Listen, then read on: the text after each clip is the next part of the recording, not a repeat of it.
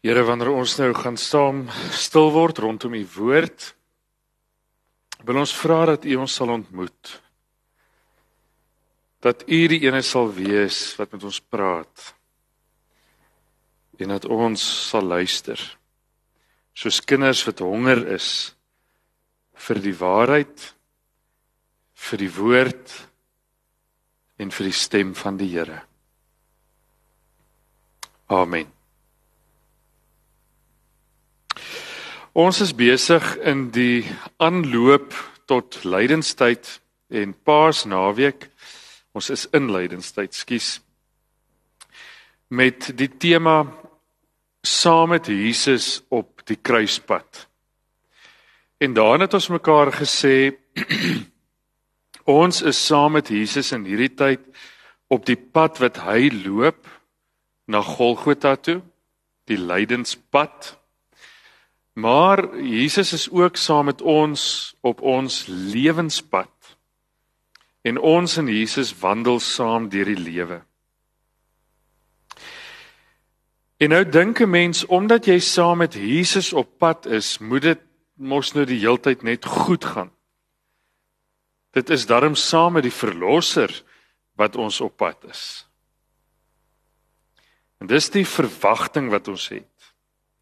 Maar nou wil ek vir julle wys hoe lyk hierdie verwagting teenoor die realiteit. Kyk gou daar op die bord. Ek gaan so 'n paar prentjies wys van verwagtings en realiteite. Nou ek en Nadia is redelik streng oor ons kinders se kamers wat moet netjies wees. So baie keer as oupa Benny by ons kuier, en mamma en pappa begin met die kinders kwaai raak oor hulle kamer, as ons weer sien dan oupa weggeraak. En as ons in die kamers kom, as oupa op sy knieë besig om die kamer namens die kinders op te ruim. En nou sien ons en nou, dan sê nee, ek soekie moeilikheid hier. Ah, uh, dis so kosbaar. Daar's nog een. Now I imagined having two children will be in 'n tussentyd lyk like dit eintlik soos 'n WWE rofstoei kompetisie. Hierdie arme ma by die volgende prentjie het ook hierdie romantiese idee gehad van hoe dit gaan wees om 'n babietjie te hê. En nou lyk dit so. Die volgende ene, ai, ja, as jy ooit in jou lewe 'n kind moes pap gee.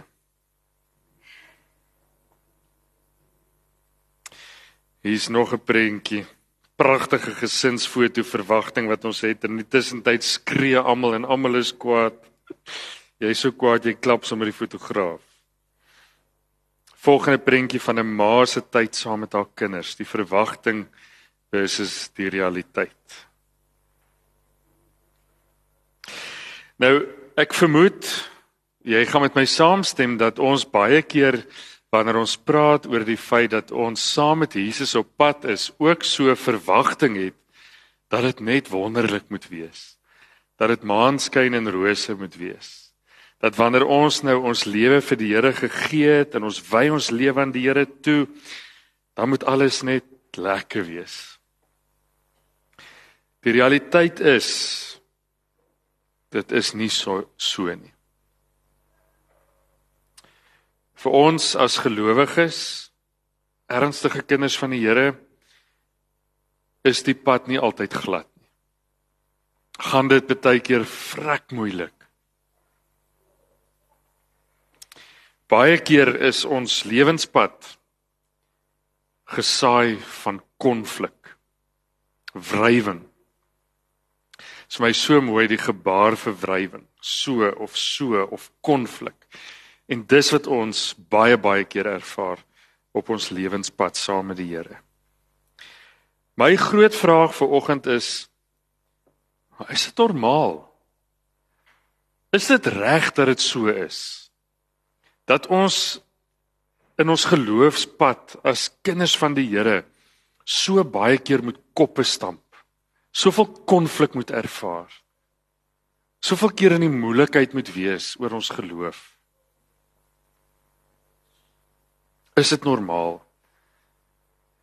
Kom ons kyk gou na so vinnige voelvlug van van Jesus se lewe. Net soos wat Markus vir ons vertel daarvan. Ek gaan dit vinnig noem, Markus 2. Jesus vergewe en genees 'n verlamde man. En dan maak hy die skrif uh, uh, skrifgeleerdes wat dit gesien het baie kwaad omdat hy dit doen. Ook in Markus 2 eet Jesus saam met belastingopgaarders en met sondaars. En dan vra die fariseërs vir hom: "Maar hoekom hoekom kuier jy saam met sulke mense?" Dis nie aan nie, dan sal ek kwaad vir hom daaroor. Ook in Markus 2 vers 18.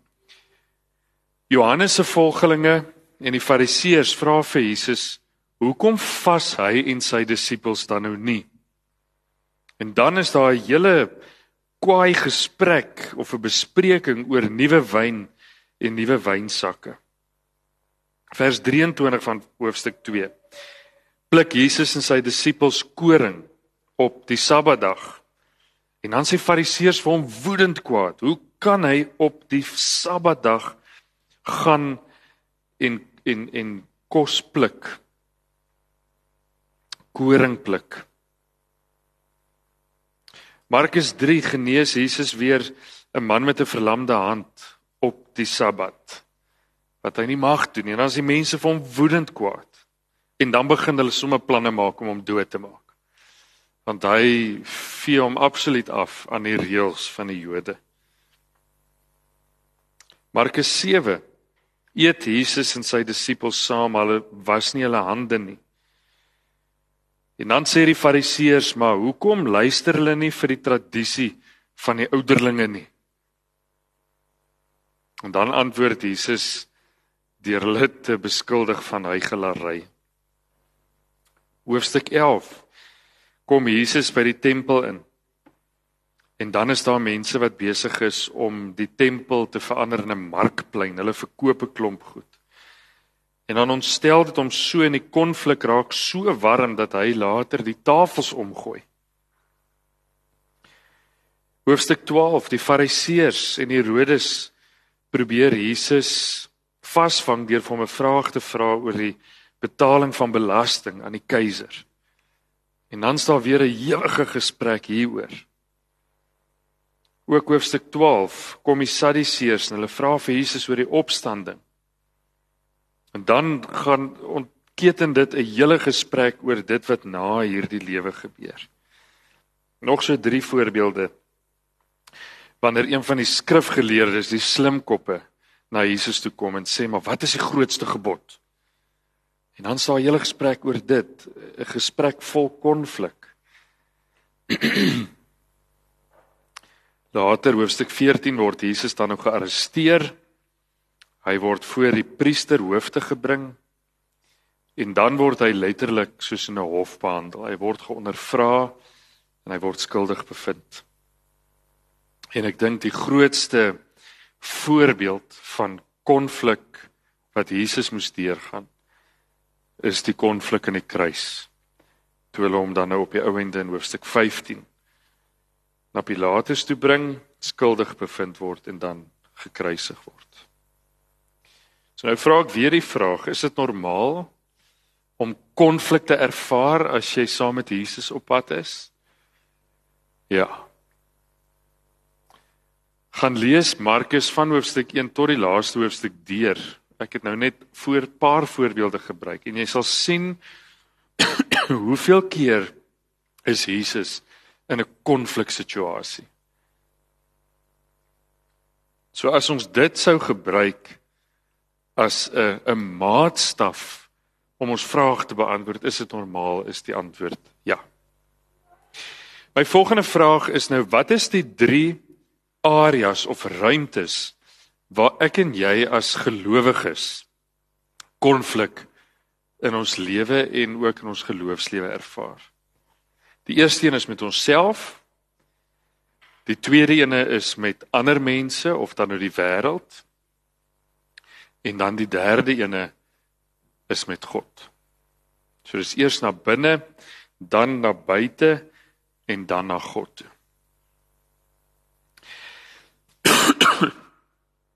ons as mense het 'n ding hier binne in ons. 'n Man se dink ek is so bietjie groter. Maar 'n vrou het hom ook en dis die ego. En dis daai ding hier binne in ons wat maak dat ons eintlik oorleef. Dis die ding wat vir ons help om keuses te maak sodat ons seker maak dat ons self oorleef die ego. En baie keer gebeur dit dat ons keuses maak in terme ook van ons geloof en dit wat die Here van ons verwag ter wille van onsself ons ego As jy nou in Bangladesh of in Indië of in Suid-Amerika of in Sudan of in Jemen of waar ook al Noord-Korea met Christene gaan praat wat vervolg word. En jy sê vir hulle, "Wat is die heel eerste ding wat jy moes doen toe jy die Here aanneem?" Gaan hulle vir jou sê, "Ek moes myself kruisig." Wat beteken dit? Dit beteken Ek moes 'n hand voor my ego se mond hou. Want my ego kan nie praat as ek ten volle die Here wil dien nie. En vir daai mense wat vervolging ervaar, die oomblik wat hulle die Here aanneem, word hulle geleer hoe om te sterf.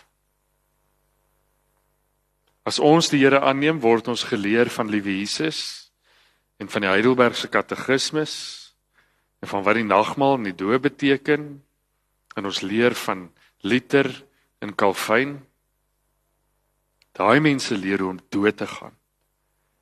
Hulle leer hoe om die ego te laat sterf. Want dit is hoe 'n mens God ten volle dien. Maar dit is moeilik vir ons wat nie met 'n swaard oor ons kop loop wat vervolg word nie, is dit veral moeilik. Want ons motivering is nie so groot nie.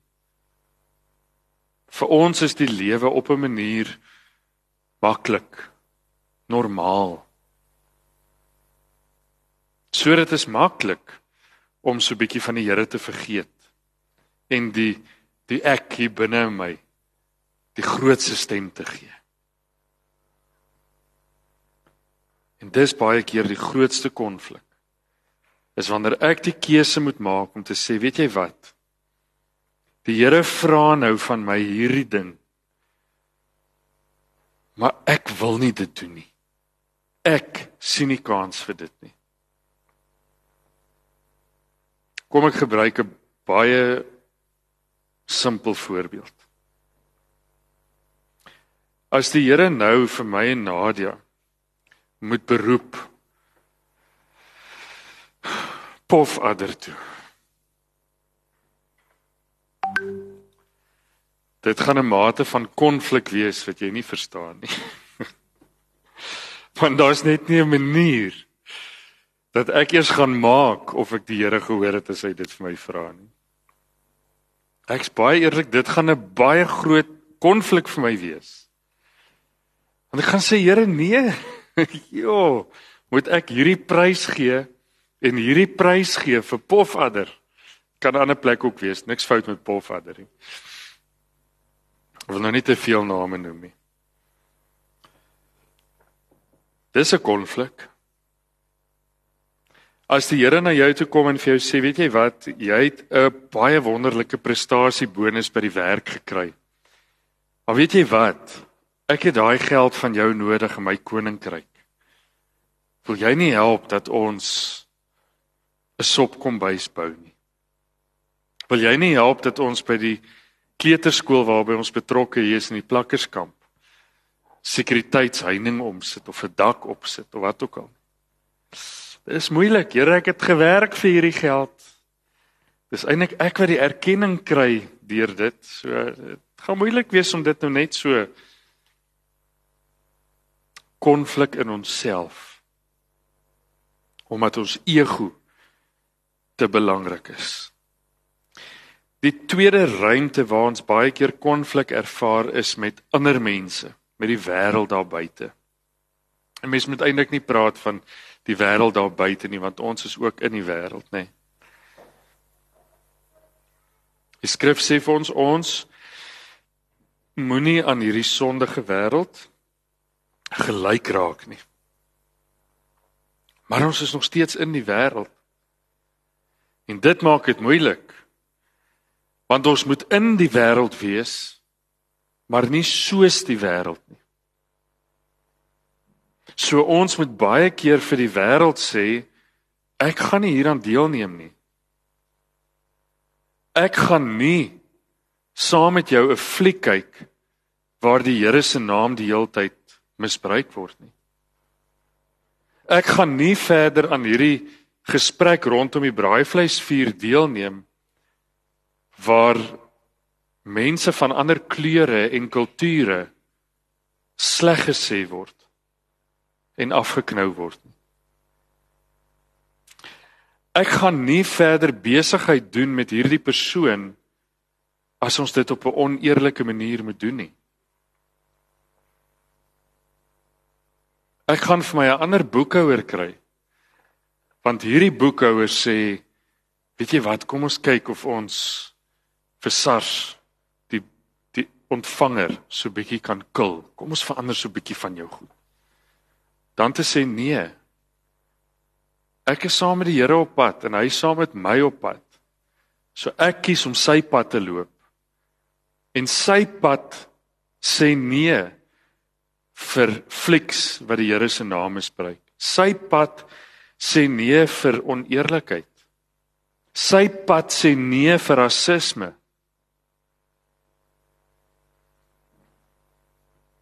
Ek's uit. Sorry. Die enigste effek wat dit het, is dit maak jou super ongewild.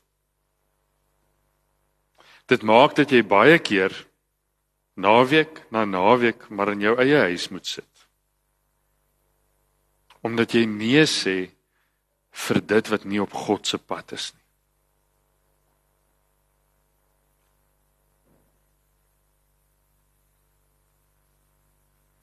Wanneer ek en jy ernstig is oor ons verhouding met die Here, sal ons kies om alles wat nie deel is van God se pad nie hierdie pad waarmee ons in Jesus saam op pad is sal ons wegwys.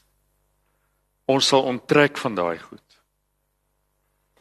Maar dit skep natuurlik ruimte daarvoor dat ons baie ongewild is. Dit skep ruimte dat ons baie baie konflik gaan ervaar. Want dit vra ook dat ek en jy die verkeerde dinge aanspreek dat jy die fluitjie blaaser moet wees by jou werk en oneerlikheid en korrupsie moet rapporteer. Dat jy na jou vriende toe moet gaan en sê, weet jy wat? Ek is lief vir jou en jy's my kosbare vriend. Maar as elke derde woord wat by jou mond uitkom negatief en rassisties is of die Here se naam is, gaan ek vir jou moet sê, gaan ek nie 'n volgende uitnodiging vir 'n braai aanvaar nie. Konflik.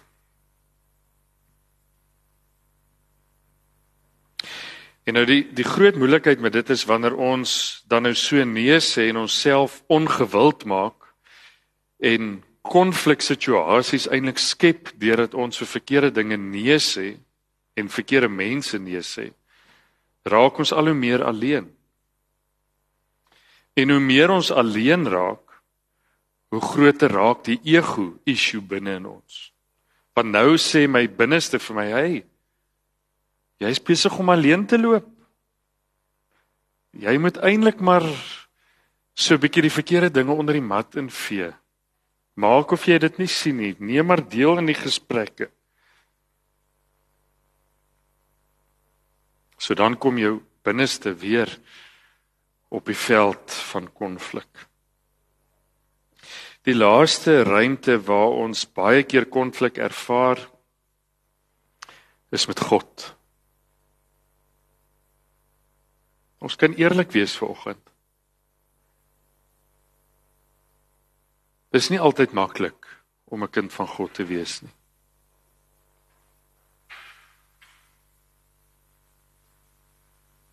Dis nie altyd maklik om 'n kind van God te wees nie. Miskien is dit oor dit wat ons weet die Here van ons verwag. Miskien is dit omdat God se wet van liefde so radikaal anders is as die wêreld.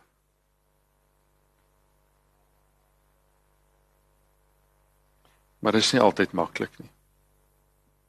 Wat dit nog meer moeilik maak is die feit dat God nommer 1 nie kan sondig nie. Dat God absoluut rein is. En dat God van my en van jou vra om soos hy te wees. Maar nou is daar 'n moeilike ding vir 'n mens.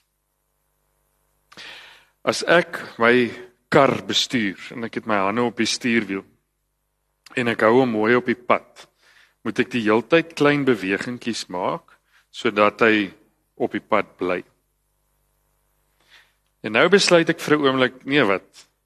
Dis nou nie 'n Tesla wat homself kan bestuur nie, maar ek gaan nou kyk of my bus dit kan doen en dan los ek die stuurwiel. Wat gebeur dan?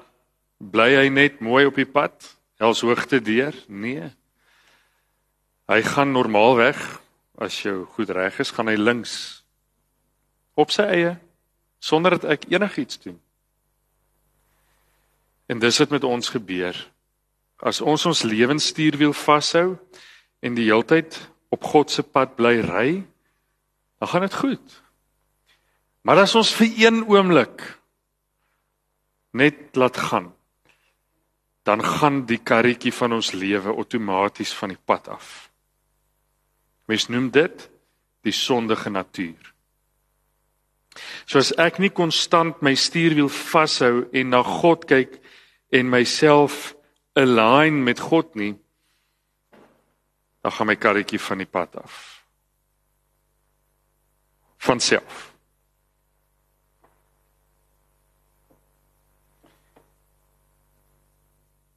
Het jy al ooit gehoor dat iemand vir sy kind sê: "Hey, hoekom is jy so soet?" Nee man, wat gaan aan met jou? Het jy nou net vir die tannie dankie gesê? Nee man, mens doen nie dit nie. Wat's fout met jou? Hoekom het jy maniere?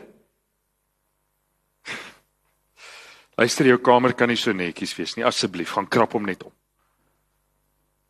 Hou op om jou papiere in die asblik te gooi. Los dit op die vloer. Nee. Nooit hoef jy 'n kind aan te moedig om stout te wees nie. Dit gebeur natuurlik. Hulle is professionals. Maar ons moet gedurig vir hulle sê hoe om reg te wees. Hoe om reg op te tree. Hoe om die regte ding te doen. Want dit aan die ander kant kom nie natuurlik nie. Daar is hulle amateurs, beginners. En kom ons is groot mense wees nou maar eerlik. Jy raak nooit 'n professional. 'n Professionele regdoener nie. Kry dit miskien meer kere reg. Maar selfs al is jy 40, 50, 60, 70 ons is maar nog steeds sondige mense. En dit skep konflik. Konflik met God.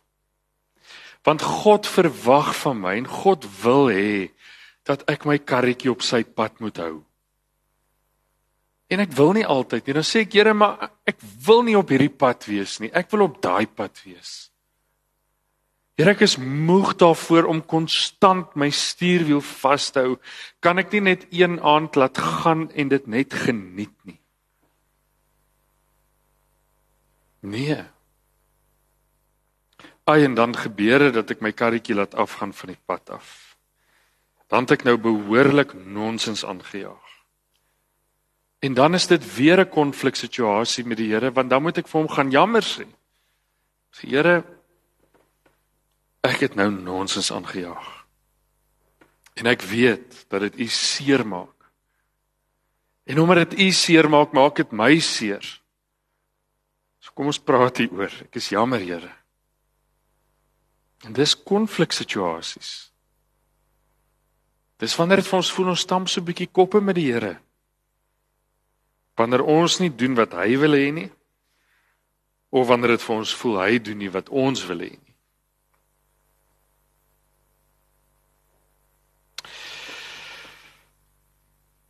Wat 'n depressing preek. Want al wat ons vanoggend vir mekaar sê is luister. As jy 'n kind van die Here wil wees, gaan jy in jouself konflik hê. Jy gaan met ander mense konflik hê. En jy gaan met God konflik beleef. Dit gaan voel soos konflik.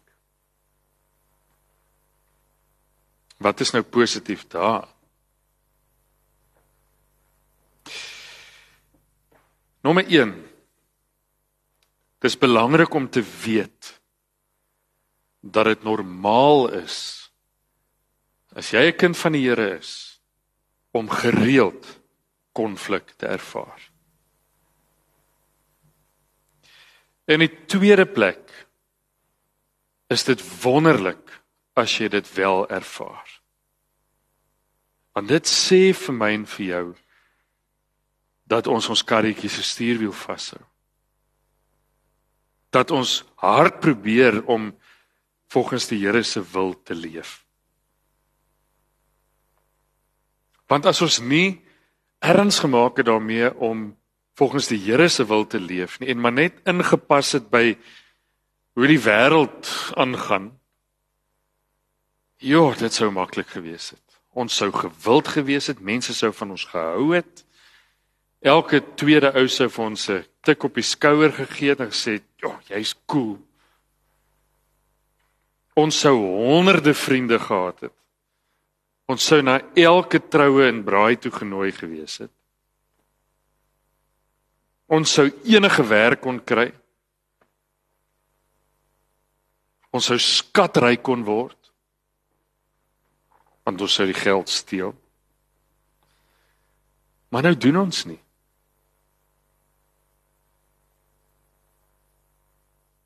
So as jy gewild voel, besonder gewild.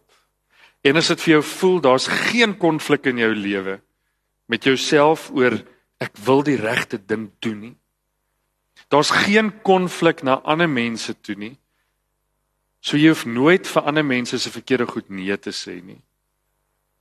En as dit nooit vir jou voel, haai jene ek doen nou sommer maar net iets omdat ek dit wil doen en ek gee nie om wat God daaroor voel nie.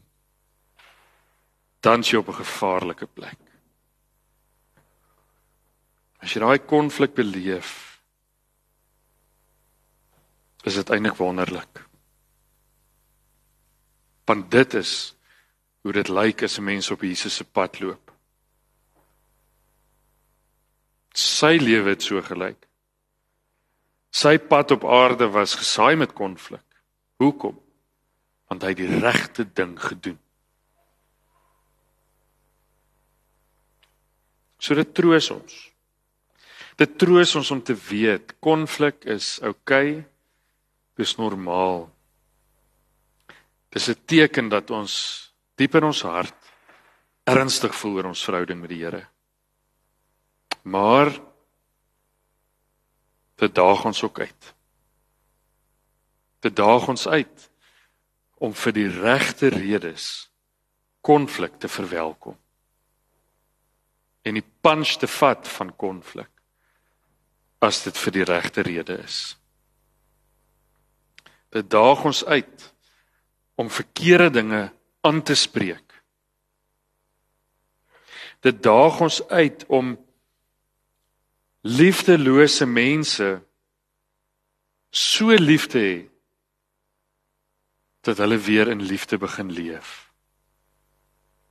Love them back to life.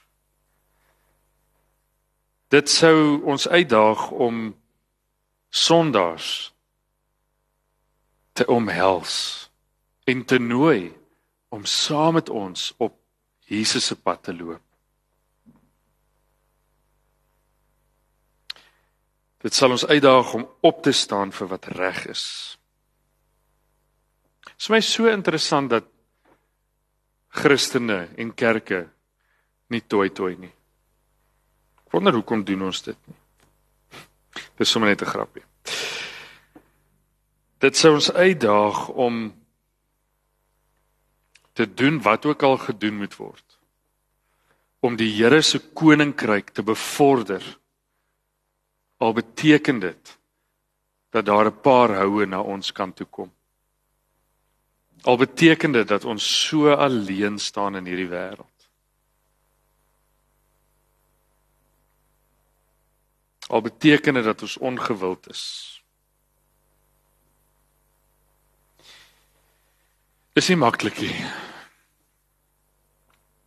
Dis nie maklik om ver oggend hier uit te stap en te sê ja, ek wil saam met Jesus op sy lewenspad stap en hy saam met ekskuus saam met Jesus op sy pad en hy saam met my.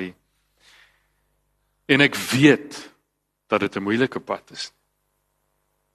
Ek weet dat dit amper soos 'n woestynpad is. Want dis 'n pad waarin ek myself moet oopstel vir konflik. Dis 'n pad waarin ek weet as ek my eerste tree op daai pad gee, is ek al 'n treetjie meer ongewild. Dit is moeilik. Maar ek beloof jou, dis die moeite werd. Daar kom 'n stuk lewensvervulling wanneer 'n mens op hierdie moeilike pad 'n tree gee saam met Jesus wat jy nie vir iemand kan verduidelik nie. So ek gaan nie eens probeer vanoggend. Daar's iets goddeliks daaraan om 'n punch te vat vir God. Ag julle, as jy daar in Bangladesh, ek praat hom altyd van Bangladesh want dit is my verwysingsraamwerk. As jy daar sit met op die grond sit met daai ou wie se knie stikkend geslaan is deur sy kinders omdat hy die Here dien. En jy sê vir hom, "Hoekom gaan jy aan met dit?" Hulle gaan vir jou doodslaan. Dan is sy antwoord net want hy kan nie anders nie. En dan smile hy terwyl hy dit sê. Hoe verduidelik jy dit vir iemand? Jy kan nie. Challenge jou gaan stap hierdie pad. Doen net die regte ding. Vat die punch wat na jou kant toe kom omdat jy die regte ding doen. Vat daai konflik of dit is in jouself met ander mense of met God. Maar doen dit vir die regte rede. En jy gaan 'n stuk lewensvervulling ervaar. 'n Gevoel van ek het 'n doel wat net van die Here af kan kom. 'n Mens kan nie dit vir jou gee of wat ook al. Kom ons bid saam, Here. Oei, u vra moeilike ding. U vra eintlik maar dat ja, ons ons kruise ook moet optel. En daar's niks romanties in 'n kruis nie. Daar's niks mooi in 'n kruis nie. Ons maak oorbelletjies van kruise en hangertjies. En ons vleg met drywe takkies kruise en sit dit teen ons deure op. So mooi. Maar in realiteit is die kruis vol bloed. Vol sweet is die een wat in die kruis hang eintlik maar alleen. Is die kruis swaar? Here maar aan die ander kant van daai kruis is daar 'n stuk 'n stuk wow wat ons nie met woorde kan beskryf nie. Ons wil hierdie wow ervaar.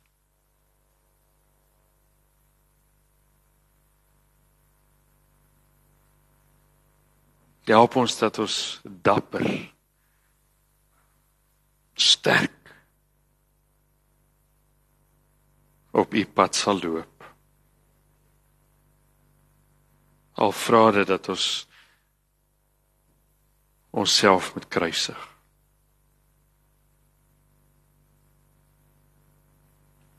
Amen.